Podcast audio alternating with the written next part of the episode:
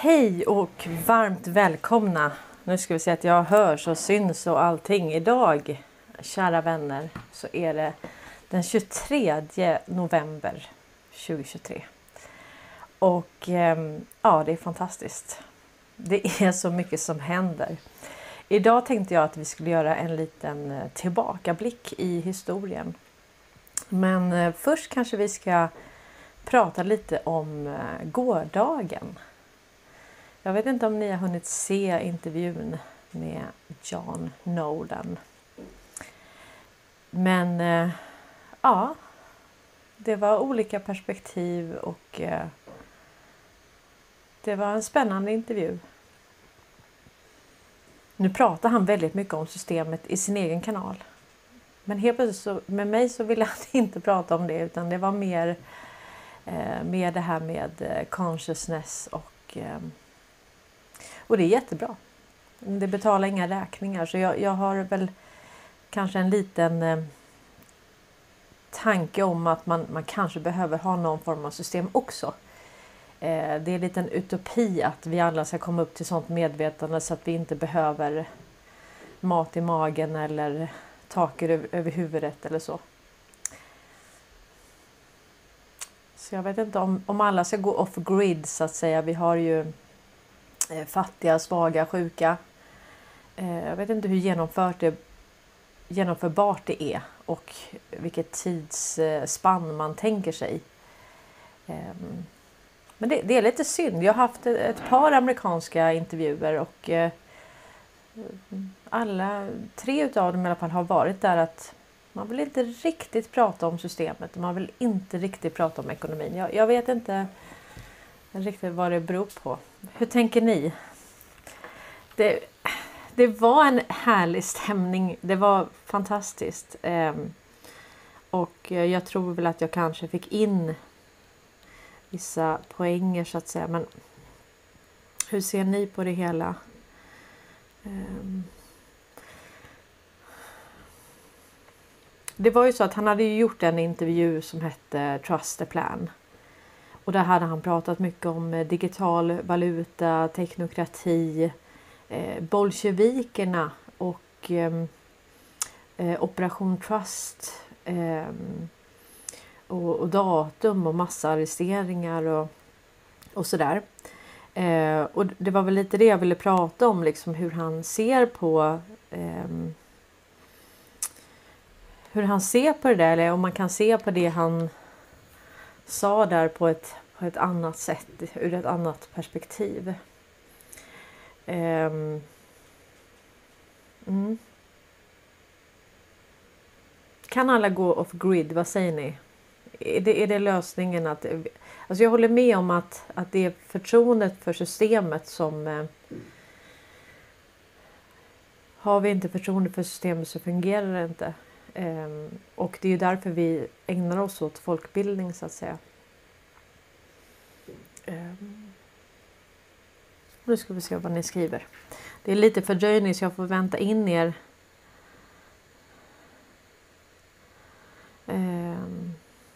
Paolo Paolo Kiefer säger jag såg intervjun med Cornelia, mycket bra gjort. Håller med om att det är en utopi som han beskriver.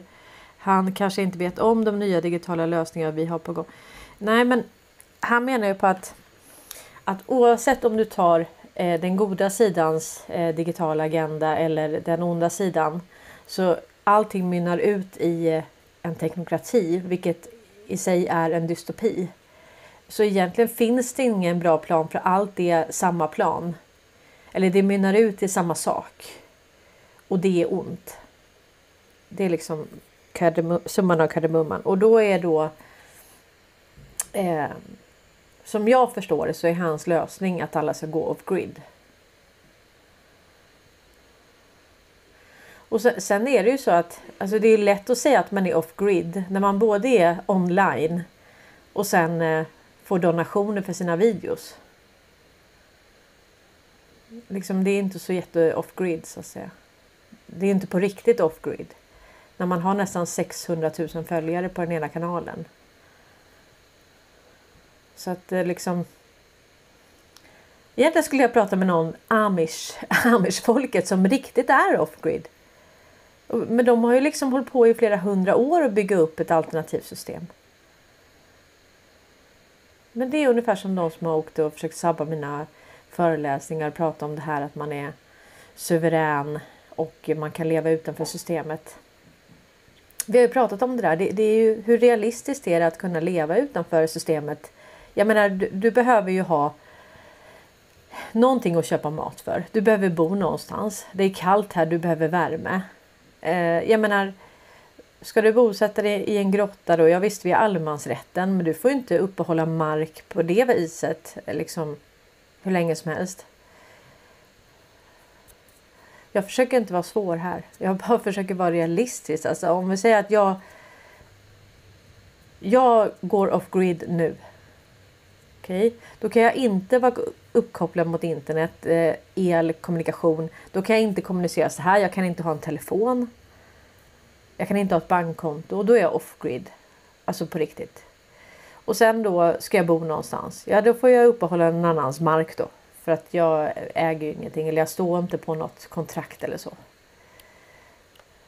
Ja men ja, är man uteliggare så och har sin packning på ryggen då bli nomader liksom vi. Ja, ni vet alltså det är. Men det är lustigt alltså att, att man inte kan prata om eh, någonting lite mer realistiskt. Det här är alltså tredje intervjun som, som resulterar i det här sättet att man att man bara vill prata om dimensioner och ja. Undrar om jag gör något fel. jag gör något fel. Eller varför vill de inte prata med mig om det? De pratar ju om det själva i sina egna kanaler. Det är det som är så konstigt. Ja. Vet ni inte vilka jag menar så gå tillbaka och kolla. Jag har ju bara gjort eh, 6-7 eh, engelska intervjuer. Och då pratar jag inte Derek och jag pratar inte Michael Ray Corey.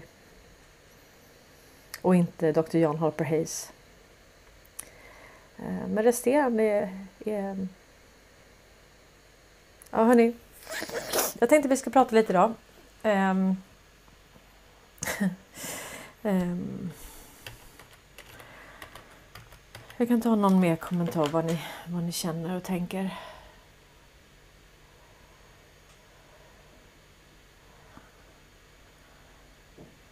Man kan inte vara off-grid med ny teknik samtidigt i framtiden. Nej. Uh. Det är inget fel och inget rätt typ.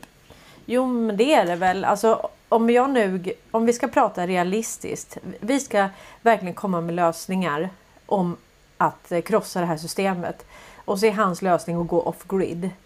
Och, och då vill jag vara helt realistisk. Okej, nu ska jag gå off-grid. Vad gör jag då? Ja, då kan jag, jag kan ju inte vara på internet. För då är jag inte off grid. Jag kan inte ha ett bankkonto. Jag kan inte ha ett boende.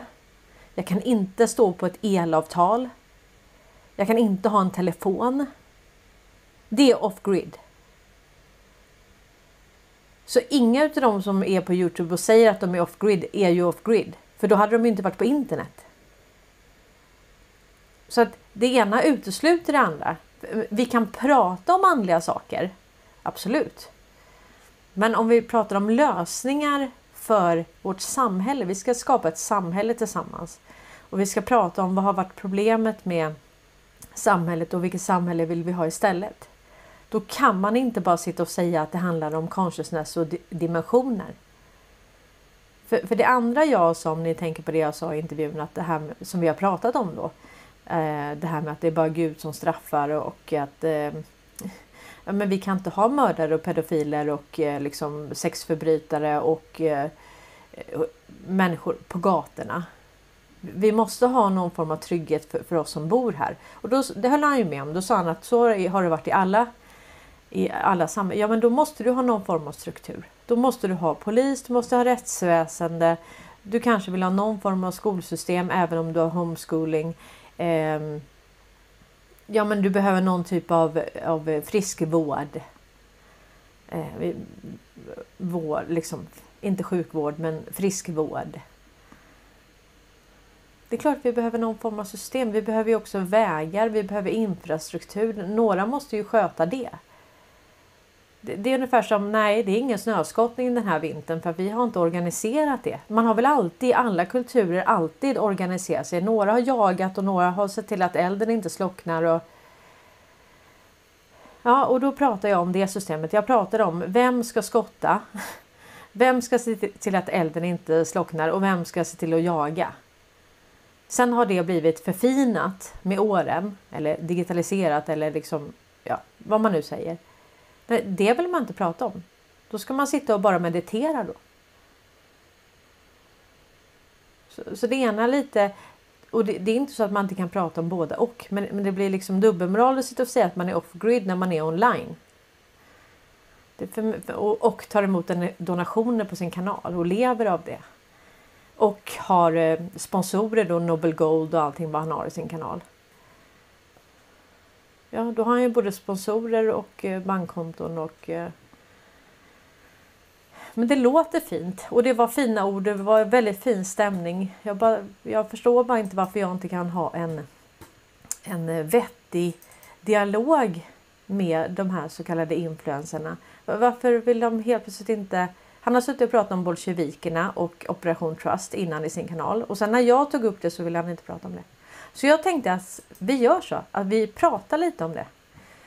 Eh, först ska vi börja med att prata om det här när vi pratar om rättssystem och eh, polisen och eh, då har vi ju Petra Lund. Alltså jag tror inte ens att hon har tillträdit men någonting har hänt då.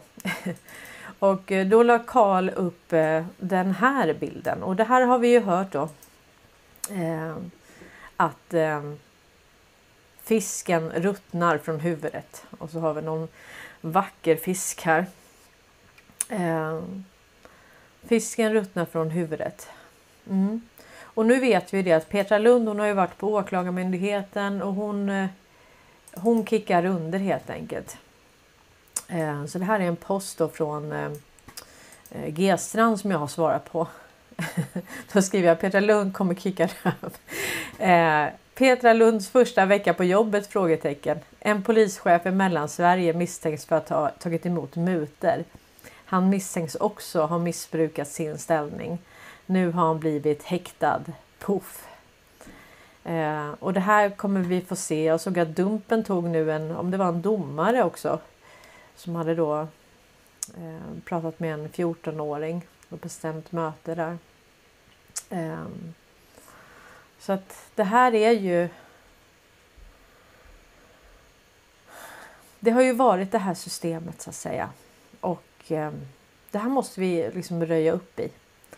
Och då har vi Petra Lund som kommer in så att nu, nu kommer det hända saker. Nu, nu kommer vi följa med glädje vad Petra företar sig på polisen. Och eh, precis som vi gör med Oskar Stenström, ni vet, som är tjänstledig från utrikesdepartementet och nu sitter på toppjobbet eh, under tjänstledigheten i ehm, eh, Wallenbergstiftelserna.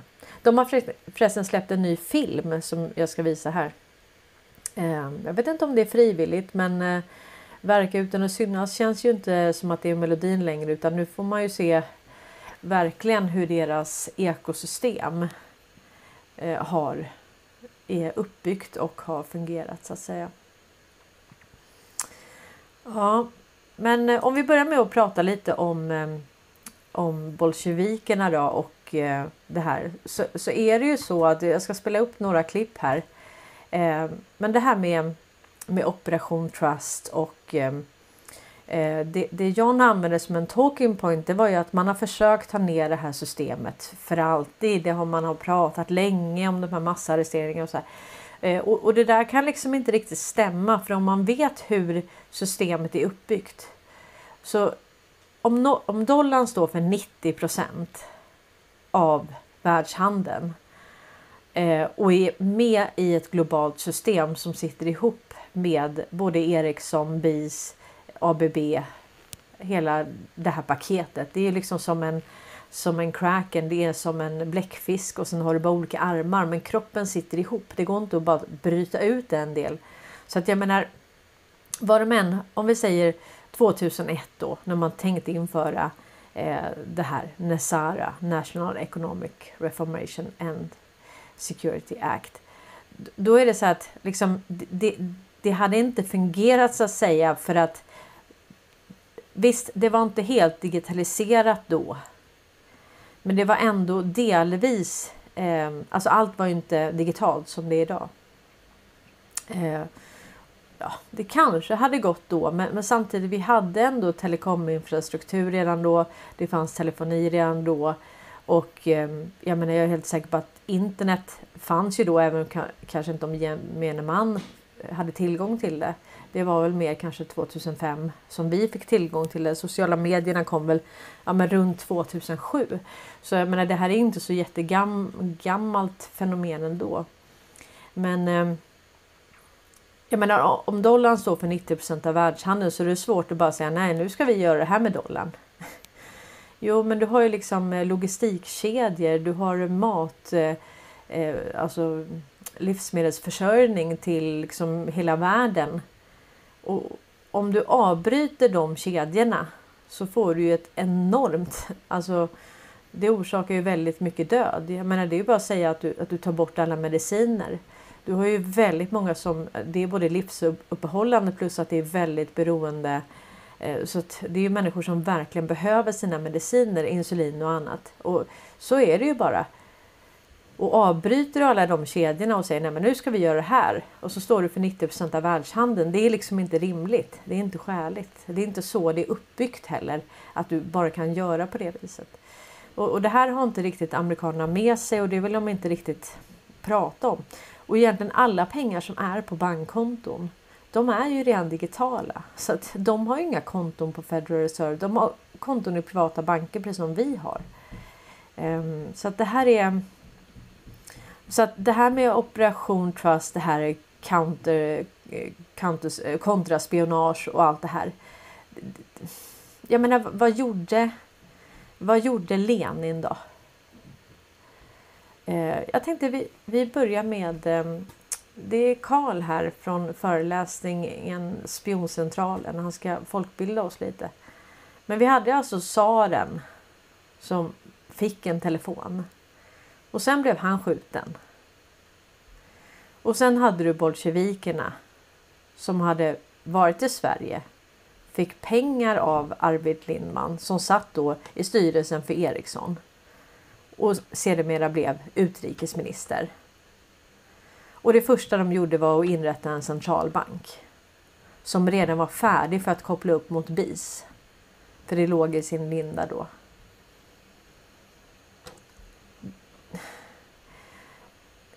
Ja, det känns ju inte så revolutionärt.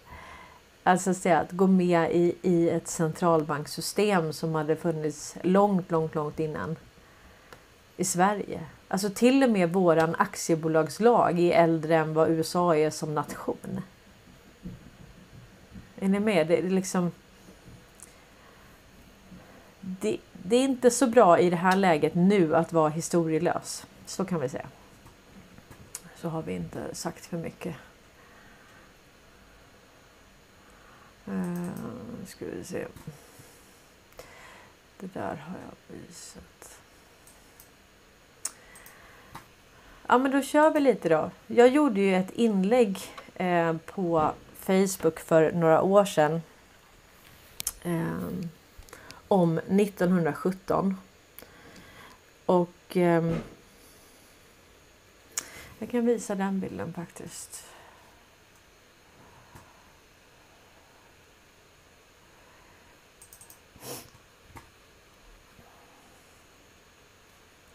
Eh.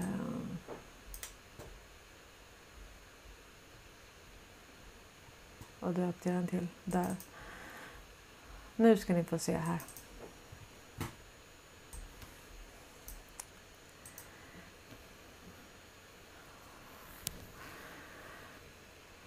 Då är mitt inlägg, jag börjar med att läsa det då. 1917, 1917, 1917. Varför nämner Trump alltid 1917?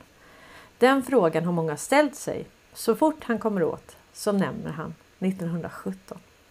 Knut och Alice Wallenbergs stiftelse grundades den 19 december 1917 då bankdirektör Knut Wallenberg och hans hustru Alice överlämna, överlämnade en donation till förvaring i Stockholm Enskilda Bank för stiftelsens räkning. Under hela pandemin så sa Trump att det var the worst plague since 1917. Journalister hånade honom för att de vet att den spanska sjukan bröt ut 1918 till 1920. Och så sa de att Trump han vet ju ingenting, han förstår ingenting, kan han inte ta reda på fakta. Eh, Trump ljuger, la la la, ni vet. Eh, och så kan det absolut vara. Men det kan också vara så att Trump menar på att det kanske inte var det som var playingen. Det kanske inte var det som var eh, den här epidemin eller pandemin. Det kanske var ett fåtal svenskar han syftar på. Eh, Trump kanske vet exakt vad han pratar om. Och faktum är att han talar inte alltid om samma sak som journalisterna gör. Eller om det som andra tror att han talar om. Sen dök den här artikeln upp i SVT. Senaste gången eh, Ryssland stoppade sina utländska betalningar var när bolsjevikerna vägrade betala på Rysslands stora utlandsskuld. Kort tid efter revolutionen 1917 med hänvisning till att det var tsarens skulder. Mm, så vad man gjorde där kan man säga det var ju någon form av skuldavskrivning. Man, eller man vägrade betala helt enkelt. Så man strök de betalarna. Eller de skulderna då. Eh. Konsekvenserna blev stora både för Ryssland och västvärlden och Ryssland blev inte ekonomiskt eh, isolerat. Eh, och Ryssland blev ekonomiskt isolerat under en lång tid. Mm. Då tänkte jag, vi går in här och pratar då om eh, det här med eh, tsaren. Mm.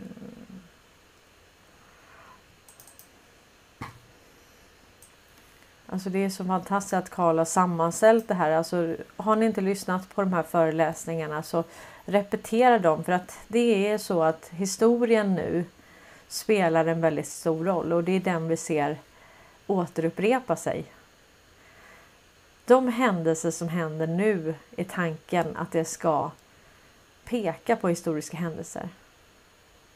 Så future prove past. Så vi måste se tillbaka för att förstå vad det är som händer just nu.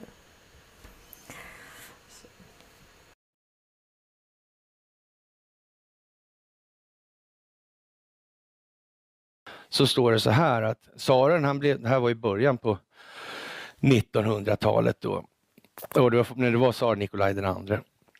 Han blev så väldigt glad, sa Nikolaj den andre, över sina nya telefoner i ebenholts och guld. Blev han, som han fick av någon, Eriksson. Det tråkiga för tsaren det var ju att han inte greppade det med vad man använder telefoner till huvudsakligen. Det riktiga syftet så att säga. Det var ju uppenbarligen så att tsarens underrättelsetjänst, de hade i alla fall inget informationsförsteg jämfört med de som mördade honom. Det tog det vara helt säkert, annars hade han inte blivit mördad. Det är helt omöjligt alltså. Och påpassligt nog så renoverar Ericsson all verksamhet ordentligt då i Ryssland 1916. Sen blev de tyvärr utsparkade och kom inte tillbaka förrän 94. Men av någon anledning så var Stalin hela tiden jävligt schizofren och, orolig för att man skulle just bli avlyssnad och sådana här grejer. Han var extremt nojig för den delen. Så jag tror också så här att det vi kan vara rätt säkra på är att Stalins eftermäle som vi har fått till oss, det kommer att förändras. Och att han var stressad med avseende på att han ändå hade insikt i hur revolutionen hade kommit till med Alexandra Kollontaj och Lenin och de här och deras kopplingar till Sverige. Och att Stalin var lite stressad över vad Eriksson möjligen kan ha gjort. För det gick ju liksom inte att gräva upp alla kablar i städer då företrädesvis då Sankt Petersburg och Moskva till någon del. Och kolla om de hade satt avlyssning på. Det gick ju inte. Så han visste ju, han kunde ju aldrig veta liksom om hur mycket skit han hade på insidan. Aldrig någonsin.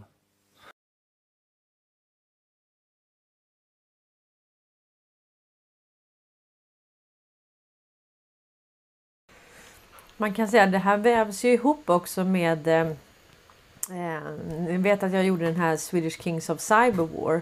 Och då visade det sig att de här kablarna. Det verkar ju vara kablar då över hela sjöbotten. Eh, överallt, eller havsbotten eller vad man nu säger. Och eh, eh ja, att all rysk kommunikation går genom Sverige. Så att eh, eh, slumper eller inte så har man ju då verkligen kunnat eh, avlyssna ryssarna och det, det vet ju de om så att säga. Så att de, de är nog mycket luttrade i vad som händer när man blir luttrad och eh, det har ju varit så att eh, Putin han har gjort en del stor, stora beställningar av Ericsson. Har ni tänkt på det sedan 2020? Det var jättemycket eh, jättestora beställningar liksom på telekominfrastruktur och annat då. och sen hände ju det här. Att de bara tog över det som var i, eh, och det, det sa jag faktiskt för flera år sedan, att jag tror ju han kommer kapa det där sen. han kommer sno det. För att eh, låta han dem bygga upp det i Ryssland. Och sen tar han kontroll på det. Och det är precis det som har hänt. Så att eh, han är inte dum. Och ibland kan vi också vara smarta och, och förutse sådana saker. Men det var inte så svårt. Men, men det är ändå intressant att när man ser då de här stora ordrarna så, så är kan man tänka på det lite. Att Ericsson kommer delas upp i 184 bitar. Och ABB och de här. Det kan inte vara en privat konstellation, ett kriminellt syndikat, det är ju vad Wallenberg är. De kan inte sitta på kontrollen på andra länders eh, infrastruktur i landet. Det som är samhällsbärande, det som, är, som de är helt beroende av, det, det finns inte helt enkelt. Så att... Eh, mm. Men jag menar, hur ska de kunna säga till aktieägarna? Ja, vi fick en miljardorder från Ryssland men vi kan inte ta den för vi tror att de kommer kapa den. Nej, de får ju bara spela med. Det är ju bara att leverera. Du kan ju inte motivera för aktieägarna varför du tackar nej till en order. Det, går, det finns inte. Det går inte. No, no, no, no, no. Och nu ska vi höra här på om Arvid Lindman. För det här är, det här är väldigt intressant apropå Operation Trust, bolsjevikerna. Hur eh, Lenin då var sponsrad av svenskar och Ericsson och inrättade en centralbank. Nej, nu, man får nog skriva om historien där att det där var inte så revolutionärt faktiskt överhuvudtaget.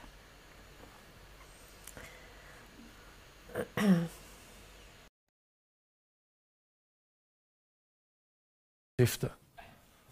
Nej, då vet vi. Ja, naturligtvis Arvid Lindman, sedermera ordförande i ja, högerledaren alltså, amiralen. Han som gav pengar till Lenin. Det är han. Han blev utrikesminister, passande nog, för Liberala samlingspartiet. Då. Han betalade alltså pengar ur egen plånbok eller en insamling, finns det uppgifter om också.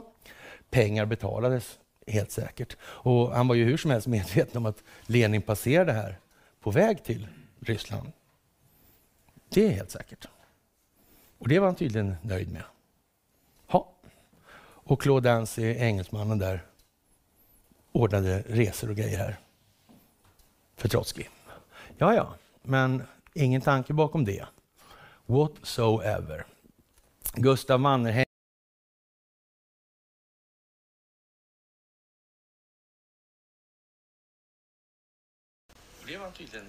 Oj, nu höjde jag här. Jag lyssnar lite i bakgrunden. Ja. Um, det är några som skriver i kommentarerna att uh, vi vill inte lösa det på, på det sätt som, som jag beskriver. utan vi vill lösa det på nytt sätt. Och det är helt okej. Okay. Det är bara det att eh, då tycker jag att man ska starta en Youtube-kanal och sen tycker jag man ska komma med konstruktiva lösningar. Alltså vad, vad är det man kan göra på riktigt för, för, att, att göra det? För är det så att någon har bättre förslag så är det ju taskigt om vi nu vill ha ett samhälle. Då är det ju taskigt att sitta och hålla på den informationen och inte dela med sig. Om det nu finns nya sätt att, att lösa en global struktur med eh, kommunikation, kraftförsörjning, eh, logistikkedjor, matförsörjning, livsmedelsförsörjning, läkemedelsförsörjning. Vi behöver inte alla läkemedel, men några läkemedel behöver vi. Eller vi behöver någon form av friskvård i alla fall. Vi behöver människor som eh, kan bli omhändertagna. Allt är ju inte negativt. Det, de kan ju ändå rädda liv. Eh, jag vet inte vad som händer om man inte får insulin, men jag tror ju att man dör så att säga. Så att det är ju ändå en livsuppehållande medicin. Så det är alltid inte dåligt och vi kan inte. Det är det jag menar. Alltså, när jag tänker att man då tar över det här eh, systemet så att säga så, så kan man ju inte. Man kan ju inte kasta ut alltihop. Och om det är helt digitalt idag, ska det gå helt analogt då? Då ska vi inte ha några bankkonton alls utan vi ska bara ha allting i cash. Men vi ska inte ens ha pengar för det behöver man inte om man är off-grid. Så då ska ingen ha pengar mer. Ingen ska producera varor då utan då ska man göra små egna kollektiv. Men då är det vissa som åker snålskjuts som kanske är gamla, sjuka eller fattiga som inte, som inte kan tillföra någonting. Men jag är jag är väldigt pragmatisk, alltså på riktigt. Och är det så att någon har en superbra idé så tycker jag att då tycker jag verkligen att man ska dela med sig av det. Eh, nu ska vi höra på, på Trump här när han hela, hela, hela tiden pratar om 1917 och han pratar om svenskar. Det här är riktigt intressant faktiskt.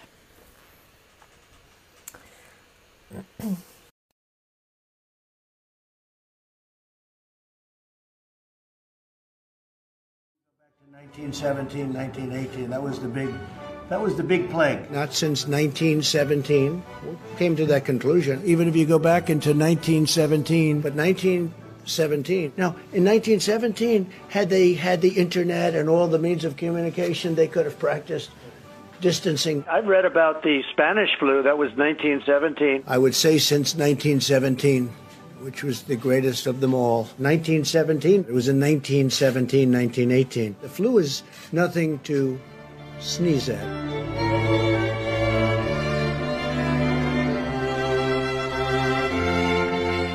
Last time was of this magnitude 1917, the worst pandemic since 1917. Probably 1917 would be the closest analogy. And you could go to 1917. You can probably go back to 1917. 1917. 1917. 1917.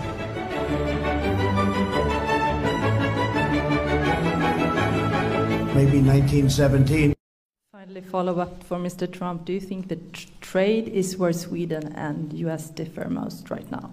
Oh, I think we have very good relationships on trade.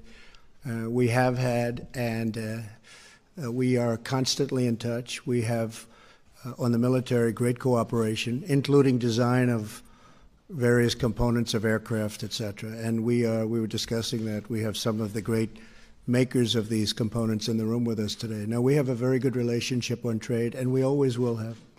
Sweden's a great country. It's small, but it's very sharp. I will tell you, they are very sharp. Thank you very much, everybody. I appreciate it. Thank you.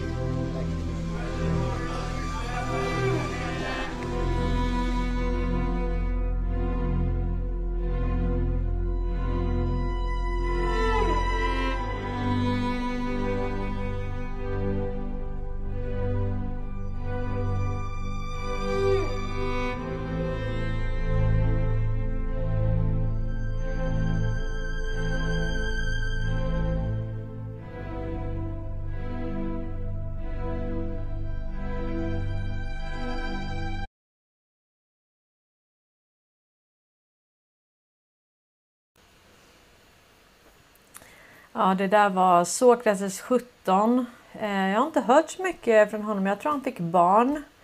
Han är ju amerikan som bor i Sverige och han har ju gjort också den här Swedish Kings of Cyberwar. Han har gjort eh, många videos. Han är fantastisk. Men som sagt, jag har eh, jag fick en notis från hans telegram att om han inte gjorde ett inlägg så skulle den inaktiveras för att det var så lång tid som den inte hade postat någonting. Eh, så att säga. De vill väl inte ha massa kanaler som bara ligger så att säga och inte är aktiva. Men jag hoppas han postar någonting. Jag har inte kollat nu men eh, han är ju eh, helt fantastisk. Så. Eh, så det här är ju väldigt, väldigt intressant med, eh, med Saren, Nikolaj, med Arvid Lindman, kopplingarna till Sverige, bolsjevikerna, Lenin, revolutionen som mynnade ut i en centralbank. Eh, och sen eh, blev det en skuldavskrivning då för att de inte ville betala tsarens skulder. Och eh, de hade då stor, stor utlandsskuld. Ehm, man har ju försökt komma åt Ryssland under lång, lång, lång tid. Så att... Um, mm.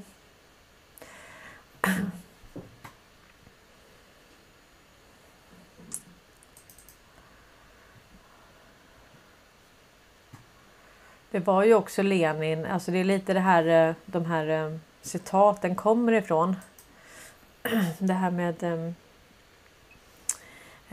The best way to control the opposition is to lead it ourselves. Vladimir uh, Lenin. 1870 till 1924. Och eh, det här är ju tänkbart och det var ju det kan man säga det här Operation Trust. Alltså det var ju. Jag ska inte säga att alltså jag vet inte om det, man kan säga att det var en, en ehm, Alltså de destabiliserade landet. Tsaren fick en telefon. Han var avlyssnad. Han blev skjuten. Bolsjevikerna kom till makten. Och eh, såklart hade de då grupper som var emot det där och då, då startade de såklart en opposition. Och det har vi också pratat om när det gäller det här med ehm, eh, det vi tittar på nu med de här olika influencers och, och Greta och, och, David Ike och all, alla vad de heter då. Att det är klart att antingen så får du ju om du ska ha två motnarrativ och göra det här väldigt tydligt för människor. Eh, så är det så här att det är väldigt många under lång tid som har sagt så här. Nej, men jag lyssnar på den och den. Jo, men det är ju helt olika budskap.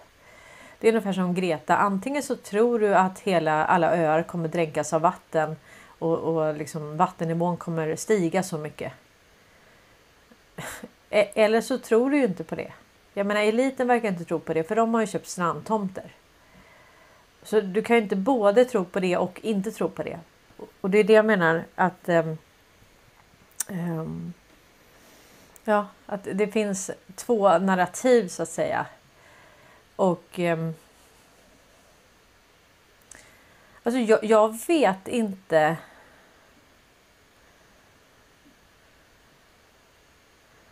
Om vi säger så här. Jag vet inte om jag tycker det är bättre att börja om helt från början. Att alla ska gå off grid. Vi ska kasta ut all teknologi.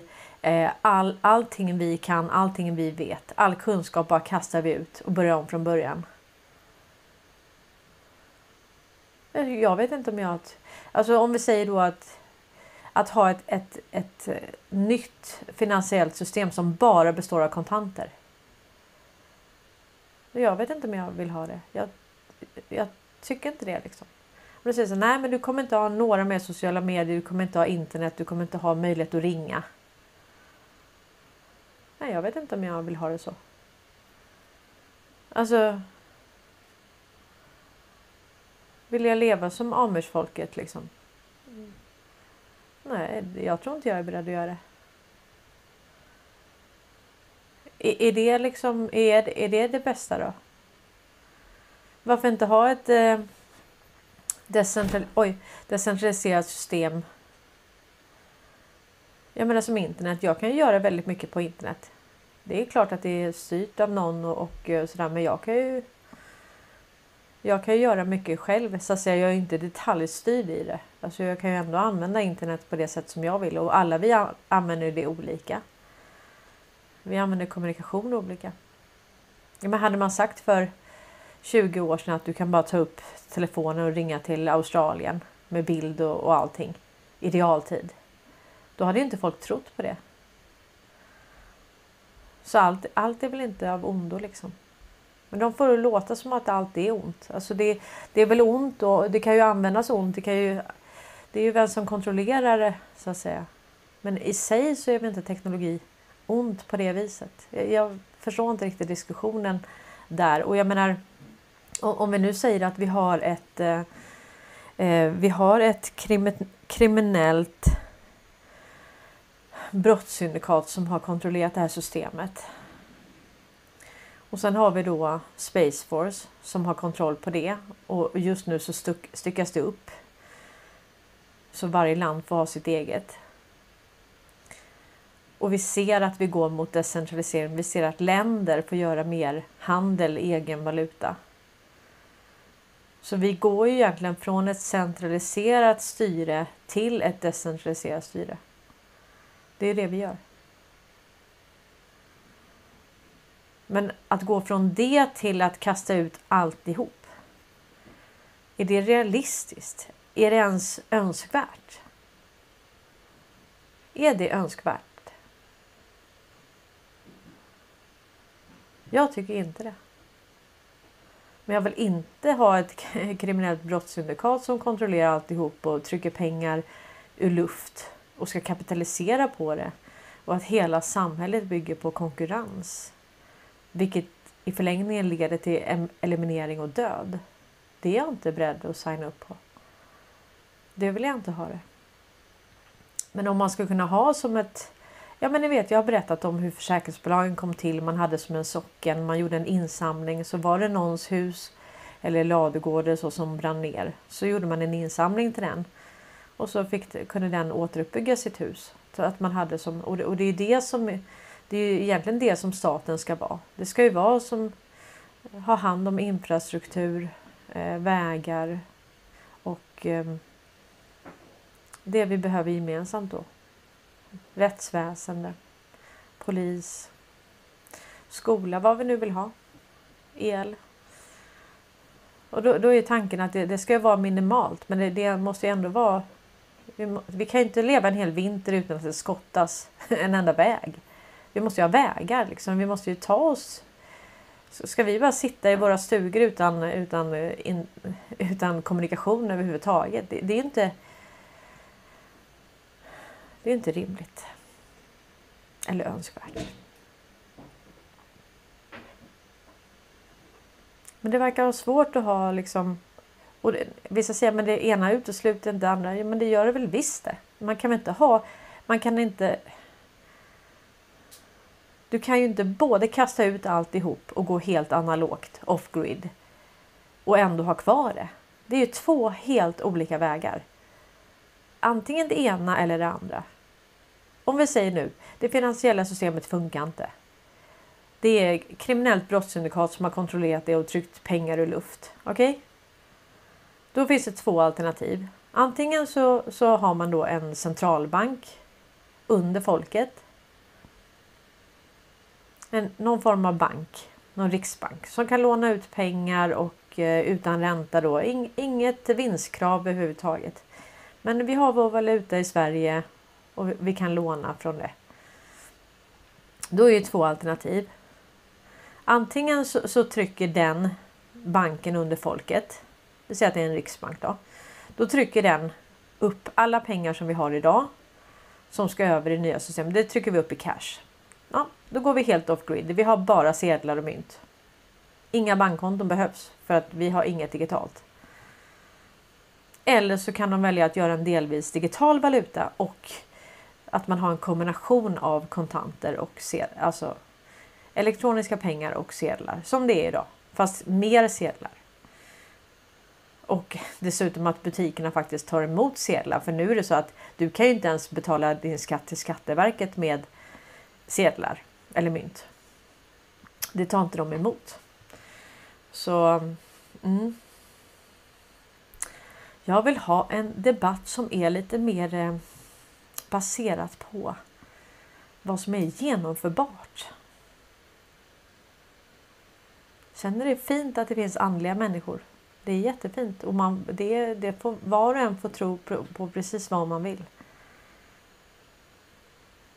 Och det är likadant när det gäller läkemedel. Jag tror ju verkligen att, vi, att det finns väldigt mycket som är bortglömt och dolt och att det finns ett helt skafferi ute i naturen.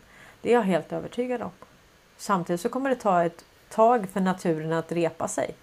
För det har varit mycket miljöförstöring. Sura sjöar och döda sjöar och tungmetaller. Och... Så det är inte... Men det kommer repa sig, men det kommer ta lite tid. Jag tror det. Jag vet inte hur lång tid det tar innan man får ur det, men och sen också maten då, alla de här långa transporterna och så. Det urlakar ju maten.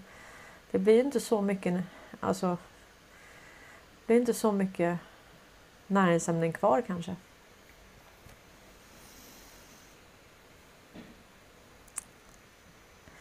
Vem bestämmer vad som är genomförbart? Eh, det vet jag inte. Eh, för mig är det inte genomförbart att gå off grid och jag vill inte det. Så det, det, är väl vi som bestämmer det. Men, men det måste ju vara en samordning. Det måste ju vara någon form av system.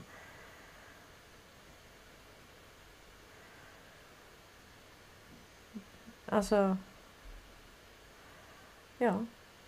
Det, det, är väl, det är väl det som är så fantastiskt att vi kan diskutera de här sakerna nu. Det har vi ju inte liksom haft tid till eller tagit oss tid till innan. Det är nu vi diskuterar vilket samhälle vill vi ha. Och med vilka? Nej men alltså. Ja, vilket samhälle vill vi ha? Vad, vad vill vi i framtiden? Jag menar, det, det, är ju inte rätt att du har några företagsintressen som lägger rabarber på alla naturresurser globalt och, och skapar konflikter och krig och trycker pengar ur luft det kan vi ju i alla fall vara överens om. Att det, det är ju inte någonting vi, vi vill ha. Och sen är frågan om målet är att alla ska gå off grid. Ja, men det kanske inte alla vill. Vissa kommer vilja bo i stan och vissa kommer vilja bo på landet. Det är... Det finns inte... Vi, vi är olika liksom. Och apropå det så har faktiskt eh, Trump, han har släppt lite koms till oss. Han har eh, i ett tal, eller om det är flera tal, men han har pratat om att om en månad från nu så kommer det komma nya telefoner. Så Marit som inte har velat köpa en ny telefon. Eh, det, nu kommer telefoner enligt eh, enligt Trump. Vi ska se, jag vet inte hur den här skärminspelningen blir. Det ser inte klokt ut här men eh, eh vi, vi, får lyssna efter bästa förmåga vad jag har spelat in här från hans tal.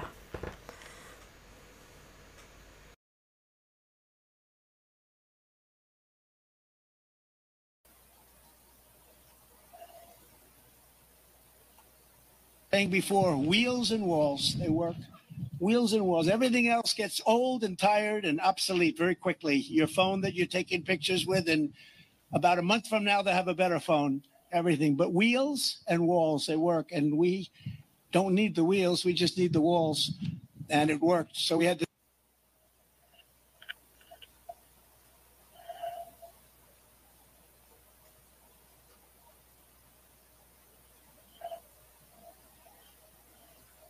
Are you sure there's a Don Jr.? Remember, central casting, guys. All right, did you understand what he was talking about here? Let me play it one more time. Saying before, wheels and walls, they work. Wheels and walls. Everything else gets old and tired and obsolete very quickly. Your phone that you're taking pictures with, and about a month from now, they'll have a better phone everything. But wheels and walls, they work. And we don't need the wheels, we just need the walls. And it worked. So we had to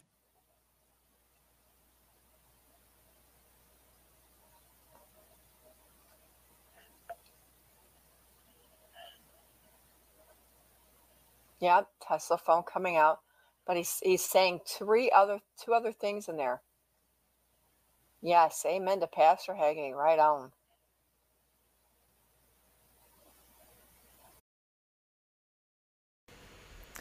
Ja, det var väl spännande. Wills and walls and new phones. Eh, jag tror att han har sagt det här i, i flera tal, men jag, jag, vet inte. Så att ungefär om en månad. Marit skriver att eh, hon måste gå ut med Zelda, hennes flatte och eh, om hon hade haft en ny telefon så hade hon kunnat fortsätta vara med. ja, så är det. Mm.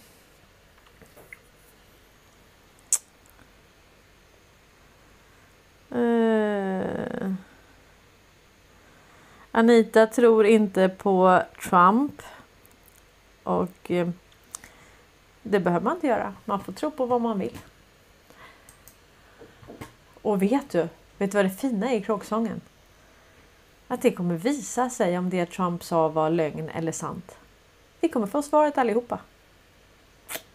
Precis. Men jag tycker ändå det är väldigt intressant att lyfta fram vad han säger. För tänk om det är sant? Mycket har visat sig vara sant redan. Den som lever får se. Ja, faktiskt. Cozy Peppe har gjort en liten eh, eh, liten han har hittat någonting igen. Han brukar göra det. Eh, och då är det så att Elon Musk då han svarar på en, eh, en tweet. Eh, Killing blow for Tesla. The cars do not get the new license plates. If Metal strike will stop new Tesla cars from being put into service. Ja, så att man stoppar ju nu då från fackets sida det här med eh, Tesla-bilarna. De får inga nummerplåtar. Eh, och då är det här är bilden då. X22. Då skriver Cozy Peppe.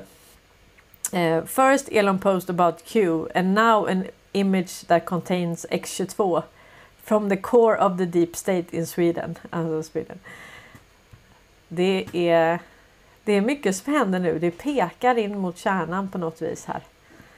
Det är helt, helt fantastiskt faktiskt. Ja. Vi tackar eh, researcher, vår researcher Cozy Peppe för alla decodes. Eh, vad har vi mer här? Vad hinner vi med egentligen? Ja, jag tänkte ju att jag skulle spela upp lite om Max Warburg också för det här är väldigt intressant. För, för Warburg det var ju de som startade Federal Reserve och kopplingarna in till Wallenberg och Sverige är inte det är inte få utan det är väldigt, väldigt många. Så att jag tänker vi kör lite här med eh, ehm, med Max Warburg också och sen ska vi då avsluta tänkte jag med eh, ehm, Wallenbergs nya promotion video där de berättar om hela sitt eh, och det här är en ny video för de hade ju gjort en annan som jag spelat upp tidigare men mm.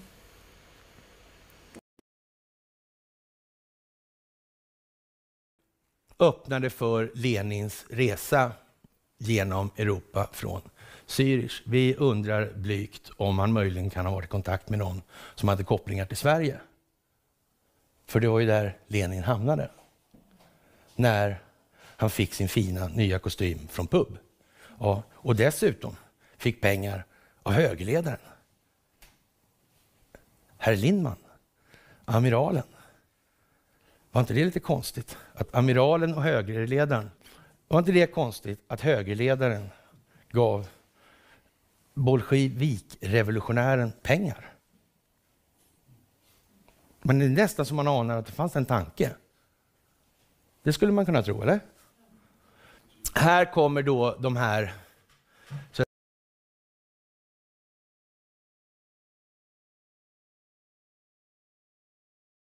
Eh,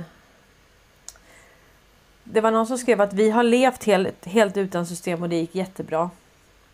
Eh, det tror inte jag. Alltså långt, alltså vikingarna hade system. Eh, indianerna hade system. De hade liksom delade upp sysslor. De, de byggde vägar.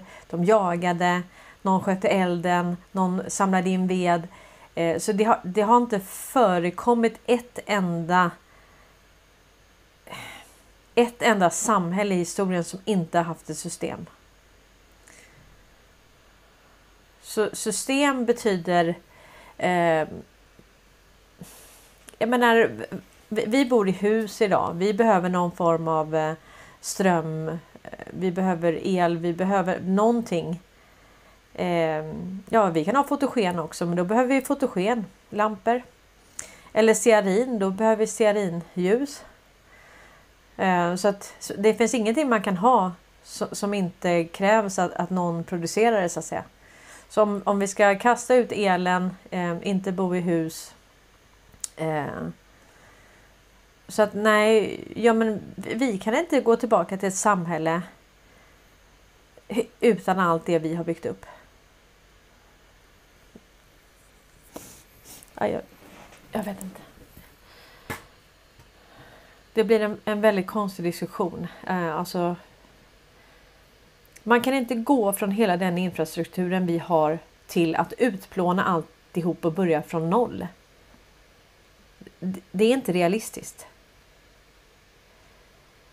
Och om det nu är det, varför, de som skriver i tråden, det, var, varför har ni inte gjort det innan? Varför har ni inte gått helt off grid och bor i en hydda i skogen? Utan varför är ni online då? Ingen är ju off grid. Inte ens som säger att de är off grid för de har en mobil. Och de tar emot donationer till ett bankkonto. Det finns inga som är off grid, möjligtvis Amish-folket. Det här blir en jättekonstig diskussion. Det här är, det här är liksom inte... Eh, jag kommer inte ha den här mer utan då får ni, då får ni ha egna kanaler där ni, där ni pratar om hur, hur man ska gå off grid. Men, men då blir det ju då kan ni inte ha en kanal heller. Då får ni ställa er på ett torg eller någonting. För det går inte att ha en mobil om man är off grid. Man måste ju leva som man lär. Om man säger att man är off grid, då måste man ju vara off grid. Då kan man inte ha något system överhuvudtaget. Och vissa säger så här, men eh, munkarna i Thailand. Nej, de får ris av folk i systemet. De bor någonstans. De, de, de har andra som eh, ser till att de får det de behöver. Så det finns ingen. Det finns ingen som är off grid på det viset. Faktiskt. Eh, och det, det, känns ju så onödigt att tala om varandra för vi kommer aldrig framåt. Om, om vi inte kan diskutera hur vi kan organisera ett nytt samhälle. Utan att vi, vi ska leva i en utopi att vi ska börja om helt då kommer vi aldrig framåt. Det är inte realistiskt. Och är det så att man vill leva så, men gör det då. Varför lever inte folk så då? Ja, det är uteliggarna i sånt fall. Och de, de försöker hitta sopor och sånt. Alltså det är fruktansvärt. Ska, ska vi alla bli uteliggare då och gå ute på gatorna och...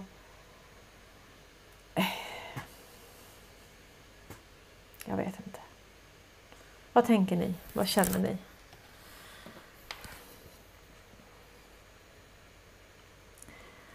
Johanna säger precis orealistisk onödig diskussion.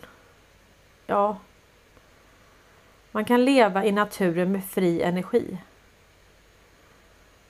Nej, det kan man inte faktiskt. Alltså. Leva i naturen av naturen med fri energi då. Vad ska du äta då? Hur ska du värma dig? Du behöver kanske tändstickor eller tänd, vad heter det sånt?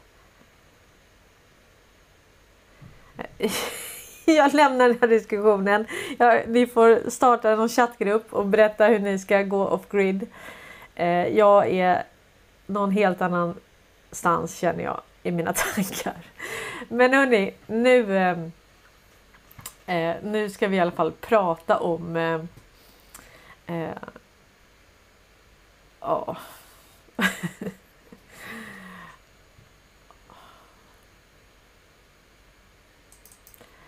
det är mycket fantastiskt som händer och eh, det här systemet exponeras. Det väcker nya tankar. Ehm, jag är jätteöppen för att diskutera allting. Det är bara att jag vill att vi håller oss till det som är realistiskt och genomförbart. Och eh, det finns säkert de som kan gå off grid. Ehm, men då lär vi ju inte höra av dem mer. För då, då går de ju an, under jord så att säga. Eller bortom jord eller bort någonstans. Eh, men eh,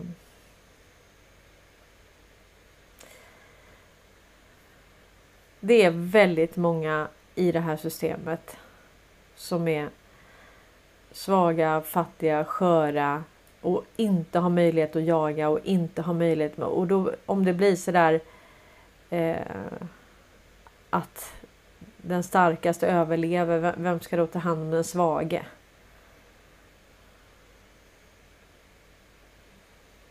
Tänka på det. Tänka på att vi ska ha med oss alla. Tänka på att vi ska skapa ett samhälle för alla.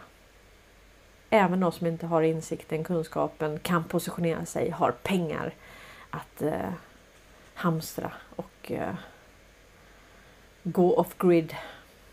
Det finns många som inte kan det. De har ju... Jag tänker på de här stora höghusen i, i Kina ni vet med liksom ett höghus har liksom 30 000 lägenheter. Alltså det är liksom det är ju som ett, som ett samhälle. Ett mindre samhälle. Och det har man trängt in i. Och tänk vad beroende man är då att de har byggt det där med bra material så det inte är massa ämnen som utsöndras liksom så gör, gör människor sjuka och så de har ju verkligen tryckt in folk som sillar på många ställen. Helt beroende. Har inte liksom har inte så att de klarar sig ett par dagar. Och det här vet ju de, de som fäller det här systemet, de vet det. Och om man verkligen vill minimera lidandet då går det inte att följa det här på fel sätt. Det finns inte. Och du måste ersätta det med någonting annat. Faktiskt. Så tänker jag. Hörni, stort tack för idag. Det här är viktiga diskussioner som vi har tillsammans och eh, det är olikheterna som gör oss starka och vi behöver alla perspektiv. Det gör vi. Och vi får bara bestämma oss vad vi ska prata om. För pratar vi om hur vi ska skapa ett samhälle så måste vi kunna prata om det system eller arbetsfördelning som vi ska ha emellan oss. För de som kan det. Det finns ju de som är gamla och äldre och eh, sjuka och, och sköra och så som inte, de kan inte jobba. Eller så har de jobbat hela livet faktiskt och ska faktiskt få bara ha det bra nu. Som har varit stöttepelare i det här systemet.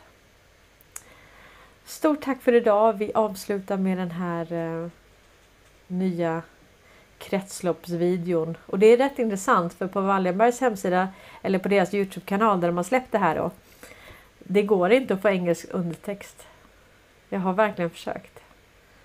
Se om ni kan få till det men, men jag fick inte till det. Jag kan få svensk undertext men inte engelsk.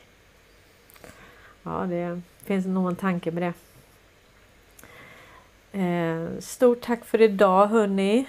Och eh, vi ses på söndag igen. Och på söndag så är det jag och eh, G-strand som kör igen halv åtta om ni vill vara med och lyssna då. Jag ska gå in och läsa kommentarerna nu. Tack så mycket för idag. Ha det fint nu allihopa. Ses vi på söndag.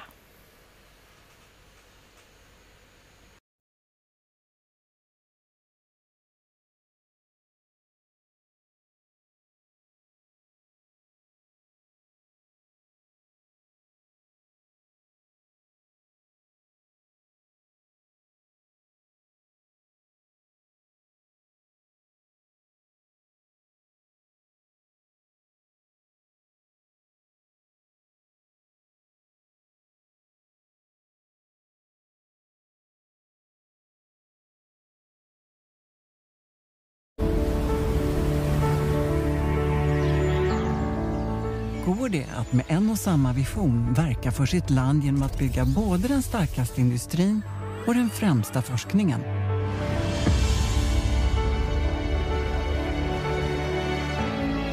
För mig så handlar kretsloppet om helhetstänket. Vi är en familj som faktiskt står för någonting som är långsiktigt för Sverige. Grundtanken från våra stiftelser är att främja svensk forskning och utbildning. Jag tycker att det viktigaste vi har att göra är att hela tiden utveckla vårt ekosystem för framtiden.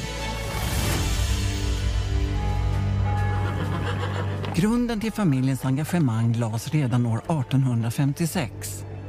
Allt startade med entreprenörskap.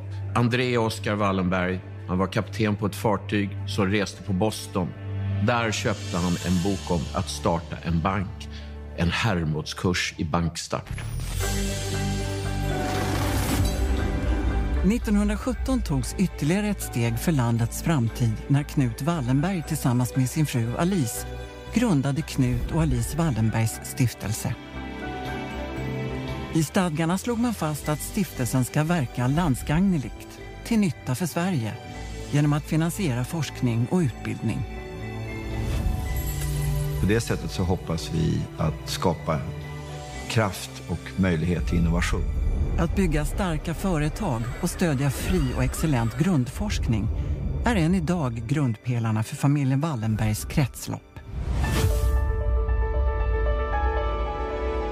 Familjen Wallenberg arbetar med långsiktigt och engagerat styrelsearbete i företag och stiftelser.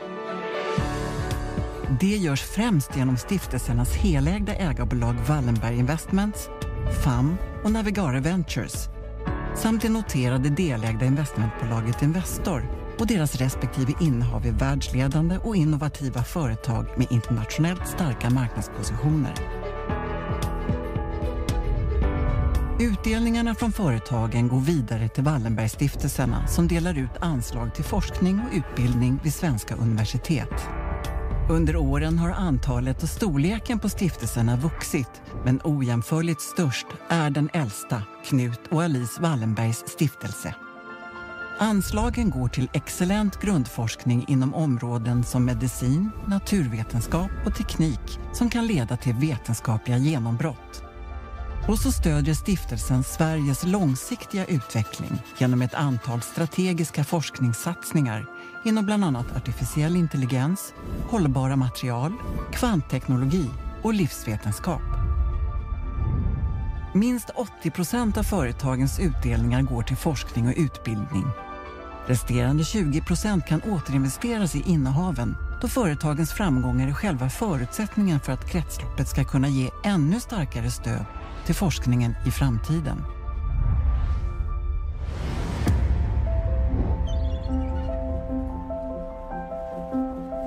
Vi ger forskarna eh, friheten att forska eh, inom sina ämnen.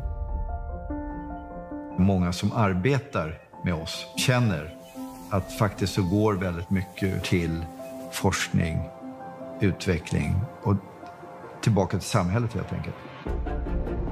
Det betyder ytterst att sätta Sverige i centrum och att driva frågor som kan utveckla vårt land.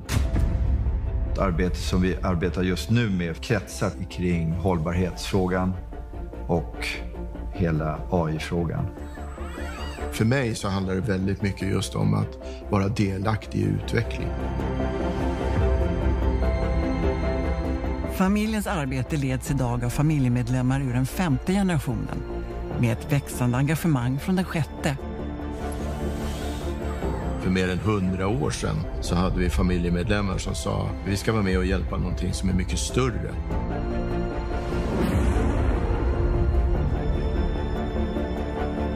Och bara att få vara del i det gör en ju faktiskt ganska stolt.